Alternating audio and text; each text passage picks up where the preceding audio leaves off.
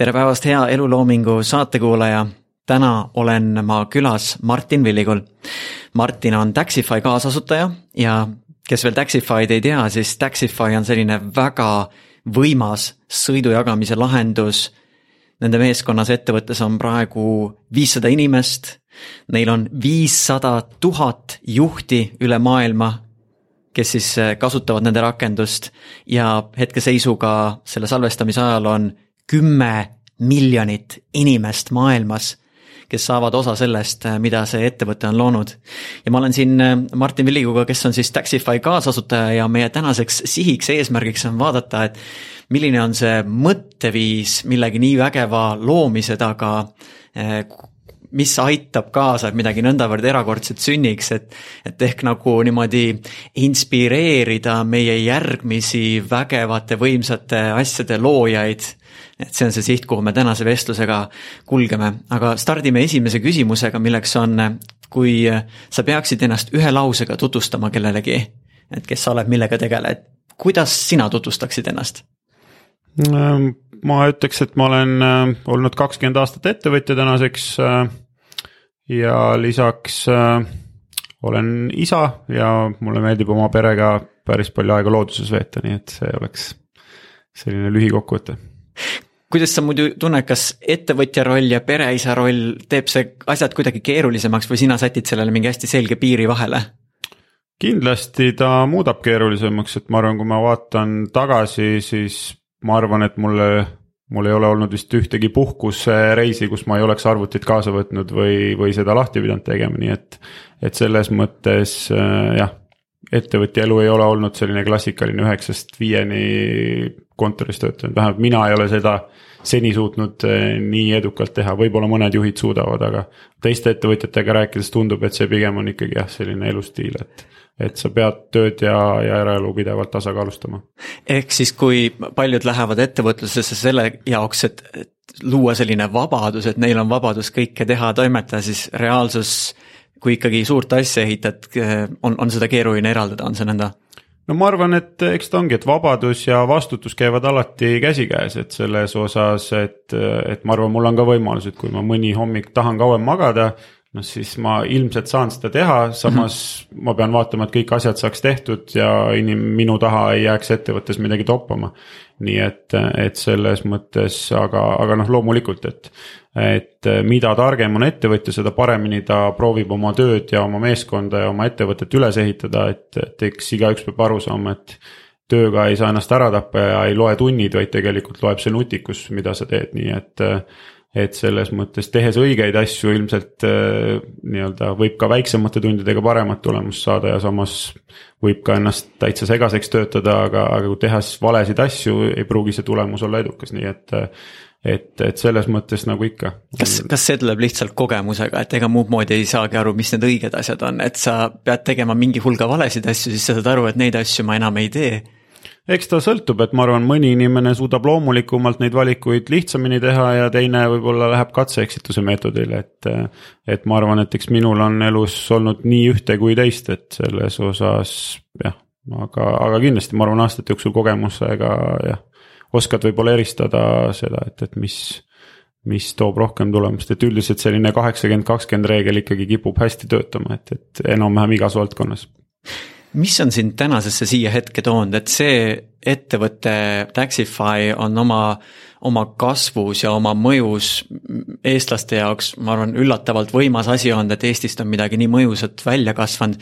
kui sa nüüd vaatad tagasi enda minevikule, mis sinu meelest on olnud mingid verstapostid, mis on aidanud kaasa, et sa oled saanud olla osa millestki sellisest? Oh, huvitav küsimus, et ma arvan, et äh, ma olen jah, oma elus töötanud juba tegelikult keskkooli ajal alustanud vaikselt äri tegemisega, siis äh, ülikooli ajal teinud oma esimese ametliku ettevõtte, selle maha müünud, siis vahepeal töötanud paaris ettevõttes ka palgatöötajana. Tallinna börsil ja Skype'is ja siis äh, jällegi ma nägin, et Skype kasvas minu jaoks liiga suureks ja, ja läks liiga bürokraatlikuks, ehk ma otsustasin uuesti lahkuda ja, ja alustada oma väiksemate projektidega. ja seda ma olen siis viimased umbes kümmekond aastat nüüd teinud. ja nendest projektidest on osad õnnestunud, osad mitte õnnestunud, nii et ega neid kogemusi on olnud väga erinevaid. aga võib-olla üks kõige suurem nii-öelda õppetund või tagasivaade on see, et, et, et varem ma tegin alati mitut asja korraga mm. -hmm. et, et siis kaks tuhat kolmteist aastal, kui ma alustasin Taxify'ga, siis ma teadlikult otsustasin, et ma jätsin kõik teised asjad pooleli, et ma loobusin nii-öelda nii vabatahtlikust tööst eh, ja, ja mitme äriprojekti kõrvuti tegemisest paralleelselt ja, ja olen nüüd keskendunud viimased neli-viis aastat siis ainult ühele asjale mm. -hmm. ja mulle endale tundub, et esiteks on see, on see nagu rahulikum ja, ja või noh, ütleme, ütleme siis nii, et vaimselt nagu rahulikum, et sa ei pea nii paljude asjade peale mõtlema, vaid sa mõtled ühele asjale. ja teiseks siis jah, et keskendumine ja kõik see on olnud nagu oluliselt parem, et, et varem ma tegin kogu aeg kahte-kolme äriprojekti tööd äh, tahtsin veel vabatahtlikuna erinevates organisatsioonides panustada, nii et et, et ma noh, see oli, see oli tegelikult üsna nagu koormav, et sul on kogu aeg nii palju raudasid tules ja lõpuks mm -hmm. perekond ka veel, et ega. ega lõpuks noh, ma ise nägin, et keegi ei olnud väga rahul sellega, et. aga kui sa nüüd tagasi vaatad, kas sa jätaksid need mingid vabaühendused ja mõned väiksemad projektid välja või see on ikkagi osa sellest ähm, kogemusest? kindlasti ta on osa kogemusest, et ma ennast tundes ma praegu ka näen, et, et nüüd ma ikkagi vaikselt, kui, kui mul hakkab siin natukene rohkem tekkima võib-olla aega selle töö kõrvalt, et siis ma ikkagi, ma ei ole selline inimene, et ma.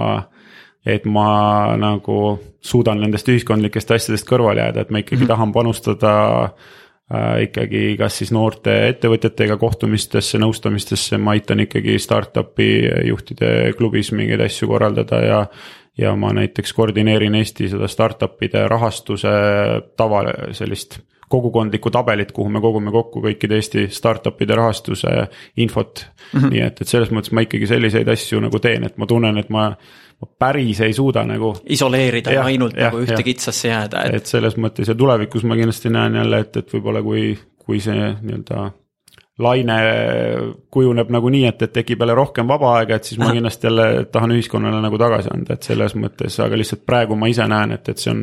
see on tegelikult aidanud päris hästi keskenduda ühte asja paremini teha, kui, kui ilmselt varem, et võtame paar verstaposti, kõigepealt see keskkooliaegne õpilasfirma. ma vaatasin, sa oled muidu Saaremaalt pärit. ma olen elanud Saaremaal seitse aastat, et ma sündinud olen tegelikult Tallinnas, aga, aga okay. jah kuidas sa Saaremaale sattusid, Tallinnast Saaremaale? vanemad tulid äh, ühelt jõulupeolt koju üheksakümnendal aastal või kaheksakümne üheksandal ja ütlesid, et, et võiks Saaremaale kolida ja kuuendal jaanuaril ostsid maja. nii et siis äh, ja järgmine sügis siis läksingi üheksakümnenda aasta sügisel läksin Saaremaale kuuendasse klassi, nii et, äh, et see tuli ma ei tea, väga palju ei arutatud, perekond otsustas Saaremaale kolida. okei okay., sulle meeldis seal, kuidas seal oli? väga tore oli, ma arvan, et üles kasvada lapsena väikelinnas väga äge, et selles mõttes ma arvan, et oli palju rahulikum kui üheksakümnendatel Tallinnas. Ja mis oli see, see õpilas nii-öelda firma projekt, mida sa siis tegid kooli ajal? oi, seal me olime väga aktiivsed, et, et tegime kodulehekülgi, andsime koolis välja oma eralehte konkureerivaks kooli ametliku lehega, tegime diskosid äh, mis iganes erinevaid üritusi korraldasime, nii et, et. aga mis oli sinu jaoks see võti nagu, et, et sa oleksid saanud seal lihtsalt äh, tubli, tore õpilane olla, aga mis kannustas sind äh, tegema neid lisategevusi? Ma arvan, et ma olen vist selline inimene, kes ei suuda lihtsalt nagu passida kodus telekat vaadata, et mul hakkab igav. ja mm -hmm. siis ma tahangi alati, ma arvan, et, et mingite äriprojektide tegemine on lihtsalt see, et see see tagas mulle mingi taskuraha, nii-öelda vabaduse, et, et ema-isa andsid natukene, aga sellest oli alati puudu, soovid olid suuremad. et nii-öelda ise midagi teenida, siis lihtsalt tekkisid endal võimalused osta neid asju, mis ma tahtsin et ma arvan, see kannustas ühest küljest, aga teisest küljest ka lihtsalt põnevus, et, et proovida erinevaid asju, et. Äh, näiteks diskode korraldamine, me üürisime Saaremaal esimese ööklubi, mis Tarvel ei töötanud mm. -hmm. ja klassiõed kutsusin pileteid müüma, klassivennad mängisid muusikat, ise tegin reklaami, et noh panime kõik siuksed asjad nagu tööle ja, ja et see oli lihtsalt nagu põnev, et ma arvan. Mul oleks lihtsalt olnud igav ainult koolis käia või lihtsalt hängida, et siis meil pidevalt otsisime mingeid asju, mida nagu teha, katsetada, proovida ja et ja kui sealt natuke tuli taskuraha ka, siis lõpuks oli, oli nagu tore. mis oli see, mis muidu sind, kas kellegi näiteks, kas isa mingi või ema ütlus või mõte või miski, mis käivitas või sa leiad, et sa olidki nagu loomupäraselt äh, selline, kes äh, oligi rohkem avatud uutele kogemustele ja tahtis teha asju või miski käivitas selle ma, sinus? ma arvan, et ma isegi võiks veel rohkem tagasi minna, et me käisime, ma arvan, kaheksakümne viiendal aastal Rootsis paar suve tädi juures külas ja seal oli samamoodi, et noh Eestis tol ajal midagi ei müüdud, Rootsis oli kõik asjad müügil, aga mul ei olnud raha. ja siis ma pidin leiutama, et kuidas endale taskuraha teenida ja, ja kuna nad elasid ühes suures elurajoonis, siis ma käisin lihtsalt naabrite juures küsimas taarat, kõikidel olid garaažid taarat täis, keegi ei viitsinud ära viia mm. -hmm. jalgrattaga viisin kõik selle taara poodi ja teenisin korralikult taskuraha, sain legosid osta endale tennisereketit, ma arvan, et noh, see on nagu täiesti väiksest saadik olnud.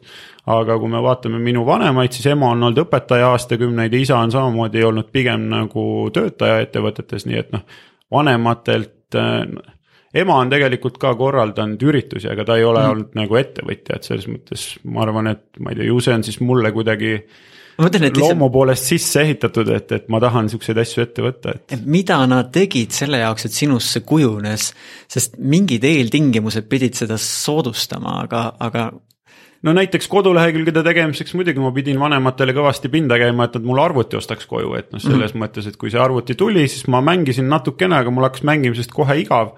ja siis ma tahtsin hakata midagi edasi uurima, õppima ja ehitama neid kodulehti, nii et selles mõttes see. et ma ei, ma ei tea täpselt, millest see tuleb, et see kuidagi okay. on nagu minu iseloomus ilmselt ja võtame ühe verstaposti veel, kui sa Skype'is käisid äh, ja, ja Skype eestlaste jaoks on ka selline hästi võimas edulugu, mis tegelikult tundub, et on inspireerinud suurt osa kogu Eesti startup maastikku, mis sellele on järgnenud. mis oli sinu jaoks mingi võtmeõppetund või, või, või selline mõtteviis või uskumus, mille sina Skype'ist kaasa võtsid? ma arvan, et tõesti, ta on palju mõjutanud ja, ja ma usun, et, et kõik eestlased, kes seal töötasid, ilmselt said just selle kogemuse, et ta oli esimene ilmselt praktiliselt esimene selline ülemaailmne toode, mida eestlastel oli võimalus ehitada ja kogu see skaala noh, see lihtsalt oli, oli täiesti silmi avav, et meil mm -hmm. pidevalt esimesel aastal oli seal jutt, et et kui me tööintervjuul inimesed tulid näiteks mõnest pangast, noh siis nad rääkisid, et nad teevad mingit väikest mutrit suures süsteemis mm. -hmm. Nad ei saa aru, et, et meil oli hea näide, et kellelgi tuli idee hommikul. lõunaks oli see asi valmis programmeeritud ja õhtuks kasutas seda, seda feature't või, või võimalust kümme tuhat inimest mm. -hmm. ehk selles mõttes, et nagu see kiirus ja mastaap ja asjade ärategemise kogu see nagu noh, see oli niivõrd silmi avav ja, ja, ja võib-olla sellist julgust süstiv kõigile sellele tiimile, pluss siis kõik need kontaktid, mis tekkisid kogu Skype'i rahvusvahelise tiimiga, nii et. et ma arvan, et noh, see on olnud erakordne kogemus kogu Eesti mõnes mõttes IT valdkonnale, et, et kui me vaatame Lätit ja Leedut, et neil ei ole olnud sellist oma Skype'i ja ma arvan, et -hmm. see on ka tegelikult üks põhjus, miks nad mõnes mõttes nagu kogukonna mõttes on meist äh, maas mõned aastad kindlasti mm. -hmm. et, et see just selline noh, see on nagu niivõrd mitmekülgne kogemus, alates kontaktidest, inspiratsioonist, kogemusest, kõik need asjad kokku, et. et ma arvan, et see nagu väga mis, mis isegi hea sõna on, empower on see inglise keeles, mis see eesti keeles võiks olla, et, et. mingi võimestamine just, või just. kas sa mõnes mõttes tunned, et see, mida Taxify praegu teeb, on, loob seda järgmise, järgmist sutsakat nagu seda äh, nagu Skype'i generatsiooni, kes siin praegu sinu tiimis töötades võib-olla mingil hetkel lähevad ja ehitavad mingi järgmise suure asja, aga see mõtteviis, mis siin kumab või see tunne, mis siin kumab, on, et see nagu elab mm. nendes edasi ma arvan küll, et eks me Taxify's anname oma panuse sellele, aga noh, kui me täna vaatame seda Eesti kogukonda, et noh, meil on Transferwise, Pipedrive ja neid ettevõtteid on veel terve hulk ja hulk, kes täna teevad noh, juba praktiliselt nagu samas mahus või on jõudmas ka sarnastesse skaaladesse, et see valik on nagu väga lai, et see ei ole enam ainult üks ettevõte, et. et selles mõttes ma usun, et, et see tõesti inspireerib kõiki ja, ja noh, kui me vaatame kasvõi Markust, minu meelest on nagu ma arvan, Euroopa või maailma mõistes ka üli, üliäge näide, et alustades otse keskkoolist üheksateistaastasena ja, ja. aga te, temal siis ei olnud nagu mingit Skype'i või muud kogemust, tema oli nii nagu jah. tema tuli reaalkoolist, et ta oli hea väitleja, hea reaalainete taust ja samamoodi nagu mina ilmselt selline rahutu ja ettevõtlik hing.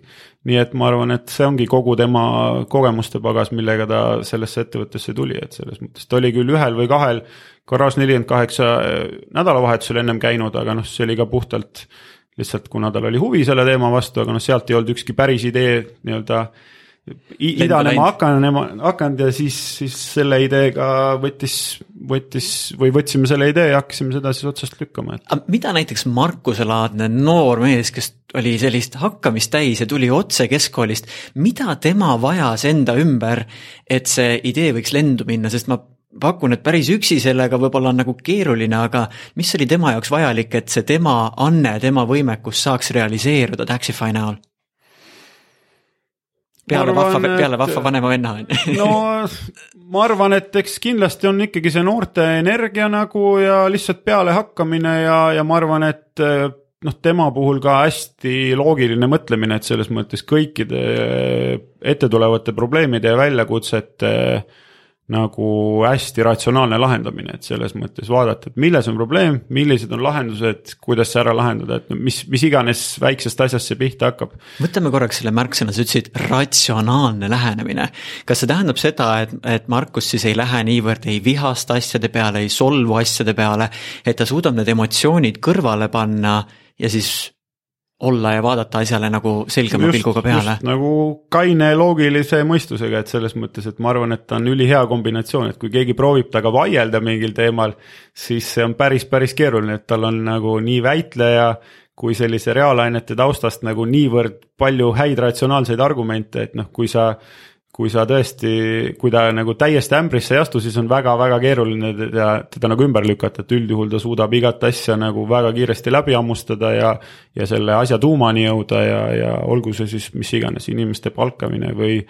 või raha kaasamine või tootearendus, et, et neid näiteid on nagu ülipalju, et selle. nii et mõttes. üks oskus, mida endas arendada, on selline väitlemise, argumenteerimise oskus ja, ja. jah, ma arvan, et kõik need valdkonnad, et selles mõttes noh, need ei ole ju ükski nagu spetsiaalteadmine, nad on kõik mhm. mõnes mm mõttes selline Kombo. nagu üldised, üldised baasoskused, mida tegelikult igaüks saaks keskkoolis õppida, et õpid hästi loogikaülesandeid lahendama, füüsikat, matemaatikat keeli ja, ja ma ei tea, käid väitlemas, et noh, need on tegelikult igale inimesele täiesti kättesaadavad asjad ja kui sa neid suudad elus mõistlikult rakendada, siis ma arvan, et ja, ja õppimisvõime sinna juurde, et siis ma arvan, see ongi väga oluline alus juba et ba-, baasvõimekus elus hästi läbi lüüa, et. võtame selle ratsionaalsuse aspekti ja viime selle madalseisude ja probleemide juurde ja laiendame seda korraks nii sinu kogemusele kui ka sellele, mida sa oled Markuse pealt näinud. Kui ikkagi tulevad nagu mingid madalseisud, noh, Taxify puhul see võib olla see, kui juhtidega on mingi jamps või, või kui turul legislatiivses pooles on mingi jamps või, või kui investorite läbirääkimistel läheb mingi ootamatu emotsionaalne asi. mis on aidanud teil saada nagu nendest Äh, madalseisudest või tagasilöökidest üle?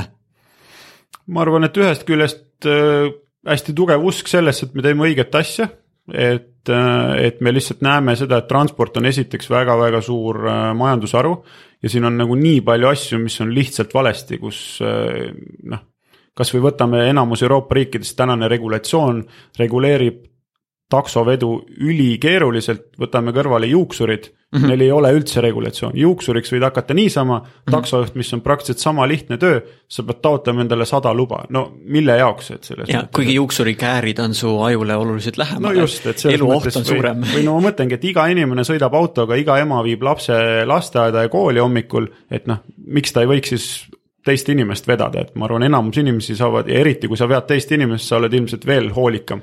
et selles mõttes noh. aga, aga mis teie mõtteviis on, kui, kui, te näete nagu enda tiimis, et pagan, see asi on vale ja kui me räägime näiteks legislatiivsest poolest, mis tundub nagu niivõrd meieväline asi, et see, see ei ole nagu otseselt meie sõltuvusest, et kuidas te taltsutate seda emotsiooni või see emotsioon ei tekigi või, või kuidas sa lähened sellele, kui sa tunned, et see on ebaõiglane, see on vale, keegi käitus sinuga valesti, kuidas sellega toime tulla? No siis me, siis me peame, me nagu üritamegi siis näidata inimestele, et, et see, et kui on mingi seadus, mis on täiesti ebamõistlik mm, -hmm. nagu nii-öelda talupoja mõistuse vastane, et siis tulekski näidata, et on parem alternatiiv ja üldiselt kui vähegi inimesed on mõistlikud otsustajad, no siis nad saavad sellest aru ja nad võiksid selle seaduse ära muuta, et enamus riikides see on nüüd toimumas Euroopas. mõned riigid endiselt veel liiguvad vastuvoolu, aga no siis seal lihtsalt tuleb seda teist, kolmandat, viiendat ja kümnendat korda neile rääkida ja näidata, et selles mõttes, et. et aga, aga noh, jah tulebki näiteks... lihtsalt, me, me lihtsalt näeme, et maailm on vaja paremaks muuta selles mõttes. nii et see on selline sügav sisemine veendumus kas sa usud, kas seda saavad enamus startup'i loojad endas luua või see on ikkagi seotud sellega, et sa näedki tegelikult transport ongi päriselt asi, kus on vaja lahendada, et et kui on nagu selline abstraktsem eh, startup'i idee, et siis on raskem ennast nagu ka veenda, et me peame sellega lõpuni välja minema. no ma ei oska jah, nii palju teiste eest nagu rääkida, et, et jah, nagu ikka, et kui sul on mingi selline äh, kassipiltide sotsiaalvõrgustik, et, et kas, kas sa lahendad sellega mingit päris probleemi või on see pigem selline noh, ma ise tooks nagu näite, et kas see on nagu vitamiin või see on valuvaigisti. et kui sa teed mingit valuvaigistit, müüd, siis üldjuhul inimesed tajuvad, et on valu ja otsivad sellele ka ise lahendust mm. -hmm. ja kui sa müüd vitamiini, no siis, siis sa pigem pead hästi palju turundama, aga noh, võib-olla, et siis võib-olla inimesed ostavad, aga nad Mängis..., neid, neid inimesi, kes nagu päriselt tunnevad selle vitamiini järgi tõsist vajadust, neid on ilmselt üsna vähe. mängiks korraks selle mõttega, et ma tean, et see on see see analoogia vitamiin ja valuvaigistega, valuvaigisti võtab ainult valu ära. mis võiks olla the next level asi, mis probleemi juured võtab ära või startup'il ei saagi probleemi juuri ära võtta, sest siis su eksistentsi mõte nagu ka kaob ära või? ei no kindlasti, mida sügavamale sa lähed ja mida rohkem sa lisaväärtust lood seal ökosüsteemis, et ega mm. kindlasti seda kindlam su ärimudel on, et selles mõttes, et, et kui sa nagu lahendad, noh, meie lahendame ka väga mitmete inimeste probleeme, et näiteks Aafrikas või mujal Euroopas alati on inimestel vaba aega, nad tahavad seda raha vastu vahetada, ehk mm -hmm. alati on, on huvi inimestel näiteks sõita meie platvormi. teisest küljest siis, mida rohkem on sõitjaid, see teenus muutub kättesaadavamaks, soodsamaks, siis on seda rohkem tarbijaid, kes seda kasutada tahavad ja see lumepall läheb sedasi järjest suuremaks ja suuremaks. et meie asi on lihtsalt vaadata, et need kõik tingimused oleksid mõistlikus tasakaalus ja see kõik ökosüsteem töötaks, et, et selles osas äh, jah ma arvan, et, et eks igal äril on omad nüansid, aga meie mm -hmm. lihtsalt näeme, et, et, et me suudame nii mitme osapoole elu nagu paremaks muuta, et. Äh, kas see on nagu päev ühes, see sisemine veendumus sees või see on aja jooksul tekkinud ja programmeeritud see veendumus, et see on oluline asi ja meil on vaja seda teha? ma arvan küll, et, et, et muidugi me tulime siia transpordivaldkonda nii, et me ei teadnud sellest mitte midagi, et selles mõttes minul oli natuke siis tehnoloogiaprojektide taust ja no Markusel oli lihtsalt palju pealehakkamist, nii et, et ega mm. -hmm ega selles mõttes küll me jah, alguses me vaatasime seda nagu äriprojektina, aga see on lihtsalt aastalt, aasta-aastalt kasvanud tööd tehes ja, ja kõik siis on see ambitsioon ja kogu sellest ärist arusaamine nii palju muutunud, et ega loomulikult esimesel päeval või kuul, kui me seda äri alustasime, ega me ei osanud nagu ette näha, et see võib et see mõte kasvab ja. selle asja käigus, sinu enda nii-öelda mõttetermostaat nagu no tema kapatsiteet laieneb, et väga ei tasu. ja noh, loomulikult eneseusk samamoodi, et noh, et sa teed kõigepealt ühes linnas mingi asja ära, sa vaatad, see töötab, siis sa teed teises, siis sa teed kolmandas, sa vaatad, et okei okay,, et tundub, et see asi nagu töötab, et kõigil on mm -hmm. vajadus, ma lahendan päris probleemi. ja noh, siis muidugi see ambitsioon lõpuks nagu kasvab suuremaks, et selles mõttes et.... nii et leida see valuvaigist ja see päris probleemi lahendamine, see, mida sa näed, mis pikas perspektiivis on probleem, mis jätkuvalt on alles ka aastate pärast, et seda lahendada. kas mingi asi veel, kui mõni meie kuulajatest praegu mõtleb, et kuidas ma tunnen ära, mis ideega minna lõpuni välja ja lõpuni väljamineku juures ma pean silmas, et sa loobud kõigist nendest muudest asjadest, noh, välja arvatud pere, pere jääb ikka mm -hmm. alles, ma mõtlen teistest kõrvalprojektidest, tööalastest mm -hmm. ja sa pühendad ennast täiesti sellele. kas on mõni parameeter, mille sa veel juurde tooksid, et mis, mille järgi teada, et pühenduda täiega sellele? No ma arvan jah, meie puhul ilmselt see ongi usk. Äh, et, et see on õige asi kindlasti noh, see, et, et varajased märgid näitavad, et äh, või nii-öelda pidevalt sa saad positiivset tagasisidet, et see asi päriselt töötab, et sa ei ole ainuke hull, kes seda nagu teeb, et selles mõttes selline nagu. Taxify eelis on see, et kuna sul kliente on palju, siis sa saad neid tagasiside sutse kiiremini, eks ole.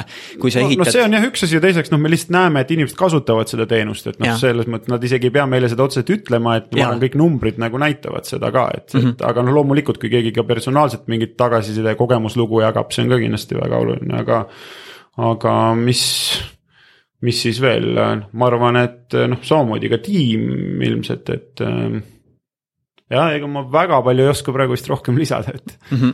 et kui tiim ka usub sellesse, et, et noh, siis et siis järjest suuremaks see süsteem nagu muutub, et kõik nagu näevad, et see on õige asi, et ma arvan, see nagu noh, see kõik nii-öelda võima-, võimendab seda, seda juurde, et. kas sa äkki jagad kuulajatele seda lugu, kuidas äh, alguspäevadel, äh, ma saan aru, Markus käis ja koputas taksode uksele, et lihtsalt saada aru, kui, kui geto variandist te alustasite alguses? lihtsalt no, lühike lugu selle loomulikult, et eks jah, me arendasime paralleelselt seda tarkvaraplatvormi ja siis paralleelselt käisime ka õhtuti siis jah, taksopeatustes istusime lihtsalt autodesse, rääkisime juhtidele ja. või noh, teine näide, et mina lihtsalt äh, võtsin jalgratta, läksin rattaga sõitma, sõitsin Lasnamäel lihtsalt kõik kvartalid äh, läbi. ja, ja seal on päris palju taksosid maja ette äh, pargitud, et lihtsalt kõikide plafooniga autode akna vahele panin visiitkaardi. ja lihtsalt teatega, et, et, et liitu meie platvormiga, meil ei ole kuutasu, maksad ainult siis teenustasu, kui saad tellimuse, et noh, selles mõttes sellise sõnumiga ka nii-öelda, ma arvan, panin neid seal, ma ei tea, sadu, võib-olla tuhandeid, et selles mõttes wow,. Wow. et, et selles mõttes me kasutasime igasuguseid meetodeid äh, lihtsalt noh, mis oli, kuna meil raha ei olnud, noh siis me ei saanud saanud internetis reklaami osta, nii et lihtsalt siis käisime ise, kutsusime sõpru, helistasime, laadisime alla taksojuhtide andmebaasi, saatsime neile SMS-e et noh, mis iganes meetodeid, äh, mida oli võimalik väikeste vahenditega teha, seda kõike proovisime kasutada. nii et sellele kuulajale, kes praegu mõtleb, et miks minu asi piisavalt hästi ei lenda, siis mõelda, et kas sul see usk ja veendumus on piisavalt tugev mm, -hmm. et sa oled valmis siis Taxify näitel minema nende potentsiaalsete kasutajate juurde nagu reaalselt kohale ja mitte mõtlema, ma olen tähtis CEO siin, et ma ei saa nagu minna, vaid vaid, vaid sa tead, et see on vajalik, et tekitada see esmane baas ära mm -hmm. ja mille järgi kasvatada. ja noh, kindlasti ega see vastuvõtt vastuvõtt ei olnud kindlasti positiivne, et noh, paljud ütlesid, et, et sellist asja on proovitud ja te olete eriti noored, te olete väljaspool takso valdkonda, et mida te üldse sellest teate, et ega selles mõttes seda vastuolu on nagu alati, aga noh. kui sa samas ratsionaalselt tead, et tegelikult igas igas grupis inimeste hulgas on viis või kümme protsenti nii-öelda pioneere ja ülejäänud on kõik sellised noh ongi võib-olla konservatiivsemad mm. -hmm. et siis, siis sa peadki lihtsalt teadlikult teadma, et okei okay,, ma tahan sada juhti saada. järelikult mul on vaja võib-olla siis ma ei tea, tuhat eh, kontakti läbi käia selleks, et sada juhti saada, noh, ma arvan, me alustasime viie-kuuekümnega, nii et järelikult me. pidime viis-kuussada juhti läbi käima, kellest siis ütleme siis kümmekond protsenti oli nõus proovima, nii et. et noh, kui sa lihtsalt võib-olla satud, saad kümme ei-d alguses. noh, ja sa ei mõtle ratsionaalselt, siis sa mõtled, et ongi nagu jama, aga kui sa tegelikult Aha. seda lihtsat reeglit tead, et nagu noh, igas grupis on väga väike hulk neid inimesi, kes on nõus uusi asju proovima, siis see nii-öelda kannustab sind, sa vaatad lihtsalt numbriliselt ja saad aru, et okei okay,, mul on lihtsalt vaja rohkem kontakte teha, et. kas see ettevõtte tegemine peakski olema puhtalt ratsionaalne või mingites kohtades emotsioonid mängivad äh, positiivselt kuidagi kaasa ka? Tegelikult? ma arvan kindlasti, ega, ega inimene on ikkagi nagu emotsionaalne elukas, et selles mõttes, et ega nagu ainult kuivade numbritega ei saa, aga noh, sa pead neid kombineerima nagu, et selles okay. mõttes, et. aga, aga pigem siis, et teadvustama, et need, mis kipuvad negatiivsed emotsioonid olema, need asendad ratsionaalsusega. no neid siis üritad jah mõelda, et kas seal on mingi ratsionaalne vaade sellele asjale, et miks mm -hmm. mingi asi ei tööta, et, et kas ta ei peagi töötama või, või keegi on valesti vaadanud sellele küsimusele, et selles mõttes ma arvan, et see on nagu väga tervendav nagu asjaolu, et.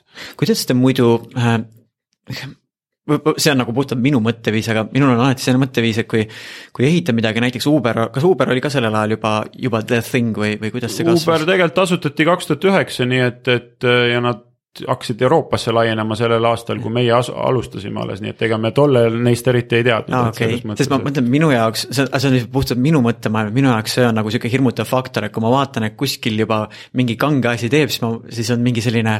võib-olla madala enesehinnaga, mõtled, mis ma siin Eestis hakkan seda tegema, aga see, mis teie teinud olete, on nagu julgelt, julgelt loonud selle. kas see tuli tänu sellele, et ei pannud Uberit niivõrd tähele või te olite veendunud, et te suudate teha parema asja või siis omal sihtturgudel parema lahendusega Uber? no eks see on ikka nii, et sa alustad samm-sammult, et noh, meie alustasime Tallinnas sellel hetkel, Uber oli alles USA-s mingites linnades, nii et ja Euroopas oli üldse paar äppi mõnedes linnades, nii et noh, selles mõttes meie regioonis nii-öelda ei olnud konkurente tol hetkel, et, et ega me vaatasime ikkagi, et siin ei ole ja me alguses plaanisimegi, et ega Tallinn ja Baltikum oli meie esmane sihtgrupp, et mm, ega see, mm. kui keegi midagi teeb. ma ei tea, Washingtonis või, või Pariisis, noh, ega me ei, me ei osanud selle peale mõeldagi, et meie mured olid siin Tallinnas, kuidas siin saada juhte juurde, kuidas siin saada kliente juurde, kuidas lahendada ära äpis olevad mingid tehnilised probleemid mm. -hmm. et noh, need on asjad, millega nagu me tegelesime, et meil, meil ei olnudki aega mõelda üldse selle peale, et. et äkki kunagi viie aasta pärast lähme Pariisi, et äkki keegi on seal konkurent, et. jaa, ikkagi... sest Uberit väga ei morjendanud, mis Eestis või Baltikumis no siin toimub. ja see andis teile aja, et, et piisavalt küpseks ennast treenida, asjale pihta saada, kuidas käib ja nüüd te olete võimelised siis noh, Pariisis nojah, et selles mõttes, eks muidugi me nägime seda ka ütleme teisel-kolmandal aastal, kui me hakkasime ise Ida-Euroopa ettevõttena raha kaasama investoritelt, et ega siis oli küll tegelikult näha, et investorid ei tahtnud meid rahastada. kuna Uber oli siis just saanud väga suure hoo sisse, laienes mm globaalselt väga palju, neil olid miljardid dollareid ja mm, -hmm. ja kõik investorid arvasid, et nad muutuvadki maailmas monopoliks mm. -hmm. et selles mõttes see, need kaks aastat olid väga keerulised, me, meil ei õnnestunud raha kaasata. kas see tekitas emotsioone ka?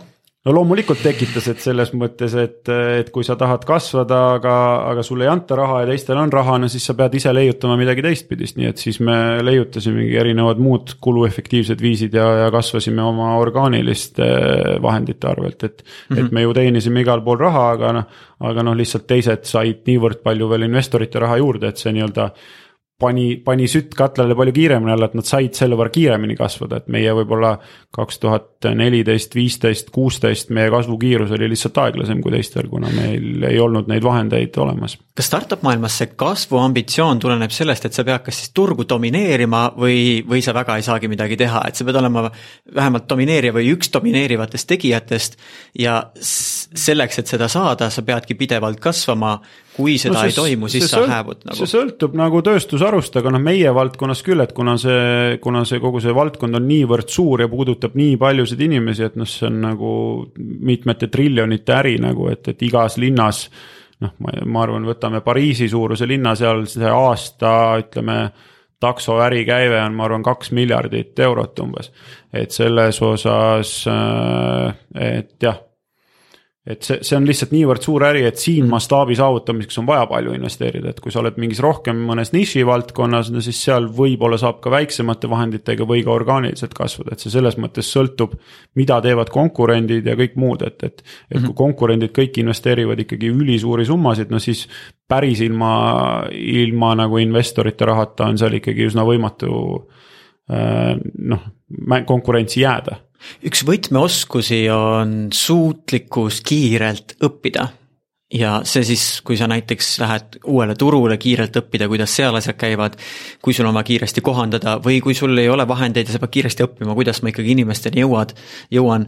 jaga mõningaid endapoolseid kogemusi, mis aitab meil äh, luua sellist äh, või millised strateegiad aitavad meil siseneda mingisse uude valdkonda ja saada seal kiiresti matsule pihta nii-öelda, et mis on seal tähtis ma arvan, et äh, jällegi võib-olla loogiline mõtlemine, et noh, meie puhul noh, sisenesime sellisesse taksoärisse, millest me tegelikult, ma arvan, kogu see taksoäri on aastakümneid, ilmselt sada aastat olnud väga autopargi põhine, et, et taksofirmadel on olnud autopark, nad on seda hallanud, nad on mõelnud, et okei okay,, ostan kümme autot juurde, mis siis tähendab, et õlivahetus maksab nii palju, ma ei tea, talvekummid nii palju ja, ja mõelnud, et, et. et kuidas ma need juhid leian, kellele ma enda autot rendin, et see on olnud see väga palju see takso taksoäri mõttelaad aastakümneid, aga kui meie tulime sinna, siis me vaatasime täiesti teisest vaatepunktist mm, -hmm. et, et mis on juhi näiteks tunniteenistus ja kuidas me saaks juhi tunniteenistust äh, suurendada.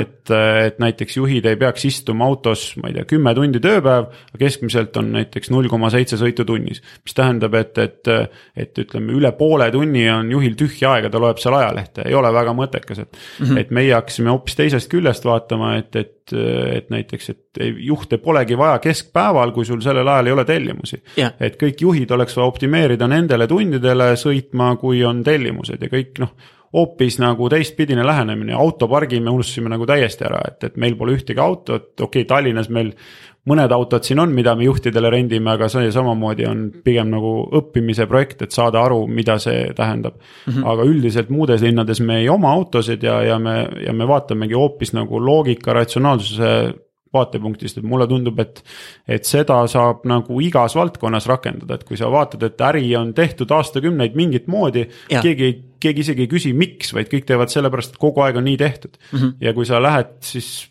paned nagu pea sinna mesilaspesse ja vaatad, et miks neid asju tehakse, ma arvan, et värske pilguga päris paljudes valdkondades oleks võimalik küsida, et miks nii et äkki nii saaks hoopis paremini. nii et see miks on see võtmeküsimus, kui sa lähed midagi uut asja õppima ja sa vaatad, et vaata kui huvitav, et nii on ja küsid, miks nii tehakse, sa vaatad seda värske pilguga. ja, ja sealt sa märkad siis võimalusi, ehk siis võimalusi seda taksojuhi ajaühiku teenistust suurendada ja nõnda. ja kui sa neid võimalusi realiseerid, see ongi see väärtus, mida sa äri kaudu lood sinna. et noh, mõnes mõttes see ongi nagu noh, öeldakse, et mõtle kastist välja, noh, meie kuidagi tulime üldse väljastpoolt kasti.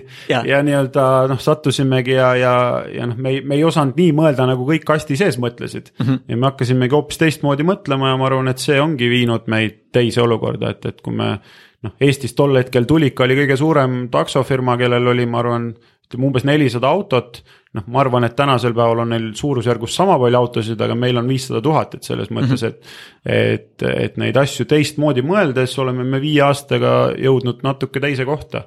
ehk siis, kui sa tuled uude valdkonda, siis siht ei oleks mitte see, et sa sinna valdkonda sisened ja püüad uurida nagu tulikatüüpidelt, et mis on vaja, et siin valdkonnas edu saavutada. vaid sa pigem, kui sa seda küsid, siis sa vaatad seda skeptilise pilguga ja vaatad, kus on nagu need nagu tühimikud tegelikult nende mudelis mm, -hmm. mitte nagu arvates, et see, mis neile edu toob, et see nüüd äh, oleks minu edu. teha nende asja paremini, et ja. me, me otsustasime mitte teha autopargi haldust paremaks, vaid ja. me mõtlesime hoopis teistpidi, et kes seal autos sõidab ja mis kliendil on oluline, et kliendil on hoopis oluline näiteks mugav maksmine elektrooniliselt ja kvaliteet mm. -hmm. mida tegelikult enamus taksofirmasid hoopis vaatasid seda, et kuidas ma saaks kõik oma autod välja rentida, et nad mul platsi peal ei seisaks, et selles mõttes see vaatepunkt on noh, ma ütleks sada kaheksakümmend kraadi erinev et, et, et taksofirma huvi on see, et, et kõik juhid maksaks neile autorendi ära, mitte see tegelikult, et klient paneks viis tärni hinnangu sellele sõidule, et noh, see on ja. nagu täiesti erinev vaade nagu. ehk siis miks, miks, miks ja märgata võimalusi. mõned küsimused veel enne eluloomingu finaal äh,, finaalküsimusi. mis on see, mida sina enda elus püüad praegu optimeerida äh, või maksimeerida, oleneb, kuidas sa tahad seda sõnastada um,? optimeerida jah, võib-olla siis seda töö, töö nutikust ja, ja selle tulemust, et ma arvan, ma olen sellega maadelnud terve elu, et selles mõttes, et. Äh, kas, kas selle jaoks on olulised mingid mõõdikud ka või see on lihtsalt sisetunde baasil, et, et ma tunnen, et ma, ma teen kõrgema lisandväärtusega tegevust või on mingid mõõdikud, mille järgi sa saad aru, et jah nüüd ma olen ma suutnud optimeerida? selles osas nii konkreetseid mõõdikuid ei ole, pigem on see ikkagi sisetunde küsimus, et kui mm -hmm. ma õhtul lähen koju, kas ma tunnen, et ma, et kas päev on läinud korda või ei ole, et. kas ma liikusin edasi või kas ma lõin midagi? või et, et kas, kas kõik olulised asjad said tehtud näiteks, et või, või võtsid mingid väiksed väiksed vähem olulised asjad võtsid palju aega ära, et, et, et ma arvan, see on üks pool ja, ja teiseks ikkagi jah, oma perega rohkem ka tegeleda, et, et selles mõttes ja vaadata, et kuidas kuidas peres on suhted ja, ja kui mingid asjad ei tööta väga hästi, et kuidas ma ennast saaksin arendada või parandada, et, et olla näiteks lastele parem isa või, või parem abikaasa ja et selles mõttes selliste teemade peale proovin ka rohkem mõelda. kas on mingi hiljutine selline taipamine äh, sinus olnud, mis on aidanud sul saada aru, et kuidas võiks siis parem, parema isa rollis või parema abikaasa rollis olla?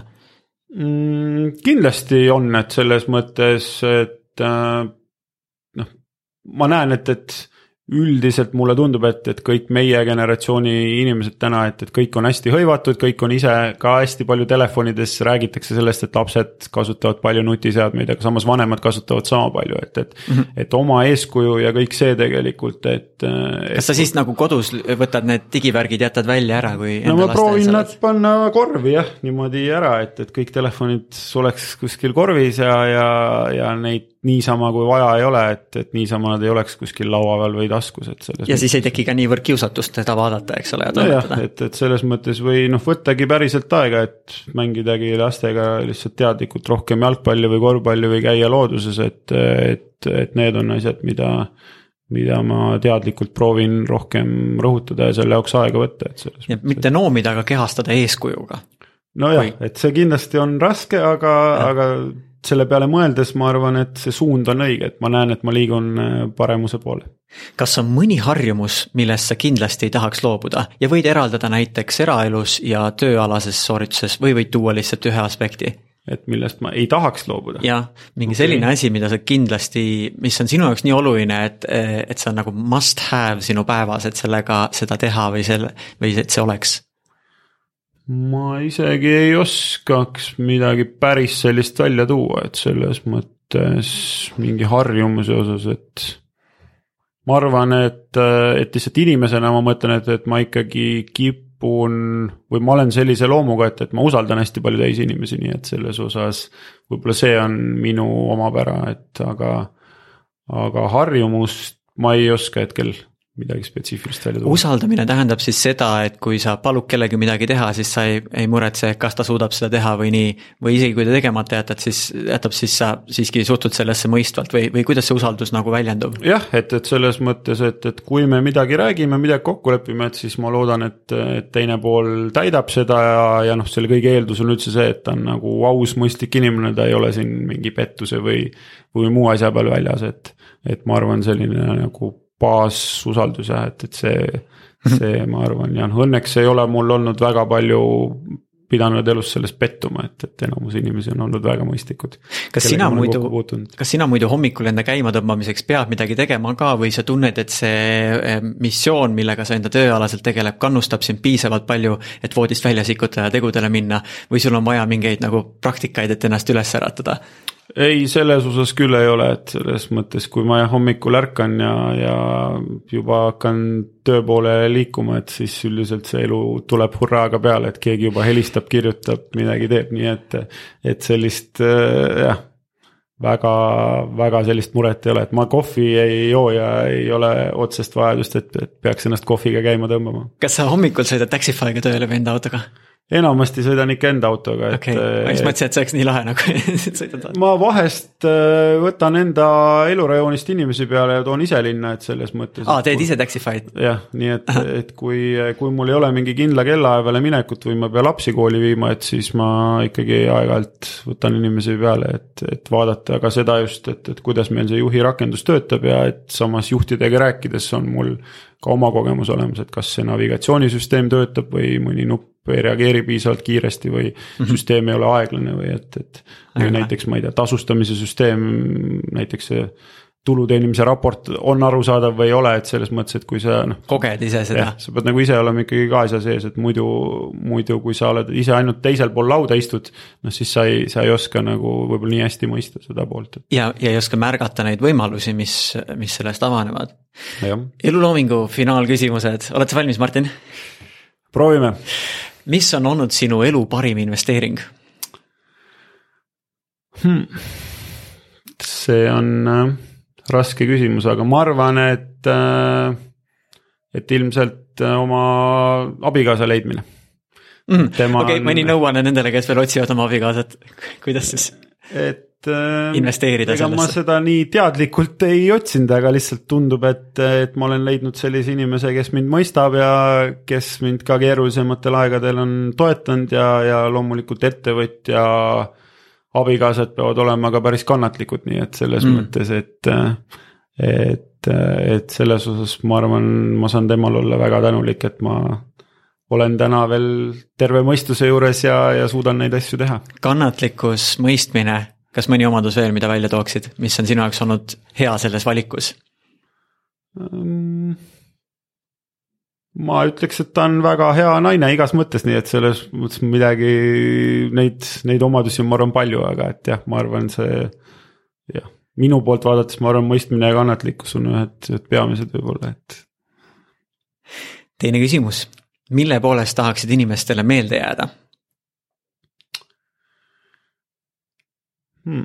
võib-olla kas mingi saavutuse poolest või selle poolest, milline inimene sa oled olnud ja omaduste poolest näiteks? ma arvan, et äh, jah, ma ta omaduste poolest ma arvan, võib-olla heasüdamlikkus, et selles mõttes, et olla sõbralik, heasüdamlik, kuulata inimesed ära, proovida neid aidata. ja teisest küljest siis võib-olla tegude poolest ikkagi aidanud kaasa Eesti siis iduettevõtete kogukonna käivitamisele ja selle võib-olla nii inspiratsiooni mõttes kui ka tegelikult siis teiste üldse seda kogukonna käimatõmbaja ja nende kogukonna äh, üksuste looja, vedaja ja selles rollis, et, et ma arvan, et, et mulle väga, ettevõtlikkus on väga hingelähedane, nii et, et ma selle valdkonnaga üritan toetada nii õpilasfirmasid kui noori ettevõtjaid kui kõiki, nii et, et. Et mulle väga meeldib, kui inimesed saavad nagu, et neile ka ettevõtlikkus ja ettevõtjaks olemine muutub nagu rohkem huvitavaks, et, et, et mida rohkem selliseid inimesi on, kes ise juhivad oma elu saatust, ma arvan, et seda nagu paremini läheb nii nendel inimestel kui ka Eestil, et selles mõttes. ma võtan siia selle, sellega seonduvalt ühe vaheküsimuse juurde. mis on üks selline asi, mida sina enda lastes teadlikult tahaksid treenida, vormida või kujundada, võib-olla oskus või mõtteviis või omadus, mis muudaks nemad nii-öelda tulevikukindlaks? Ma arvan, et ongi võib-olla kuidas küsimused selles mõttes, et kui sul on mingi probleem, et siis sa ei mõtle nagu, et miks seda teha ei saaks, vaid pigem alati küsida, et kuidas saaks, et selles mm -hmm. mõttes, et, et mis iganes raskus sul ees on, alati mõtle, et kuidas saab mm. -hmm. et, et ära mine negatiivse asjaga, et seda ei ole keegi kunagi saanud ära lahendada, järelikult ei saa, et. et treenida oma lapses seda mindset'i, kui miski on nagu saamatu, vähemalt aga mängida mõtetega, et mis variandid oleks selle ja, saamiseks. isegi kui ei jõua selle variandini, et saab, aga. vähemalt sa proovid kujundad. paar erinevat varianti läbi, et noh, kui sa siis, ma ei tea, oled kõik enda meelest mõistlikud asjad läbi proovinud ja siis vaatad, et ei tööta, et noh, okei okay, võib-olla tundubki, et ei saa, aga vähemalt, et sa ei viska kohe lusikat nurka ja, ja ütle, et keegi pole saanud, järelikult ei saa, et selles mõttes, et ikkagi võib-olla keegi ei ole tulnud mingi asja peale, mida sina näiteks tuled, et.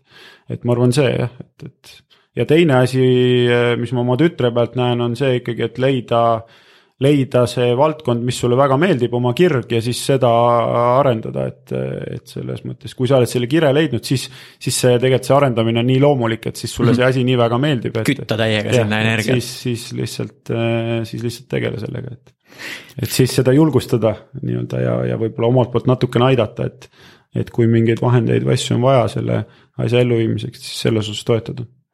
finaalküsimus kui sa nüüd saaksid suurelt näiteks, oletame näiteks Tallinnasse Raekoja platsi sellise suure plagu peale enda mingi sõnumi kirjutada, mõne mõttelause või ütluse, mis sa sinna sätiksid, mida möödakäivad inimesed loevad ja mis võiks neid kuidagi liigutada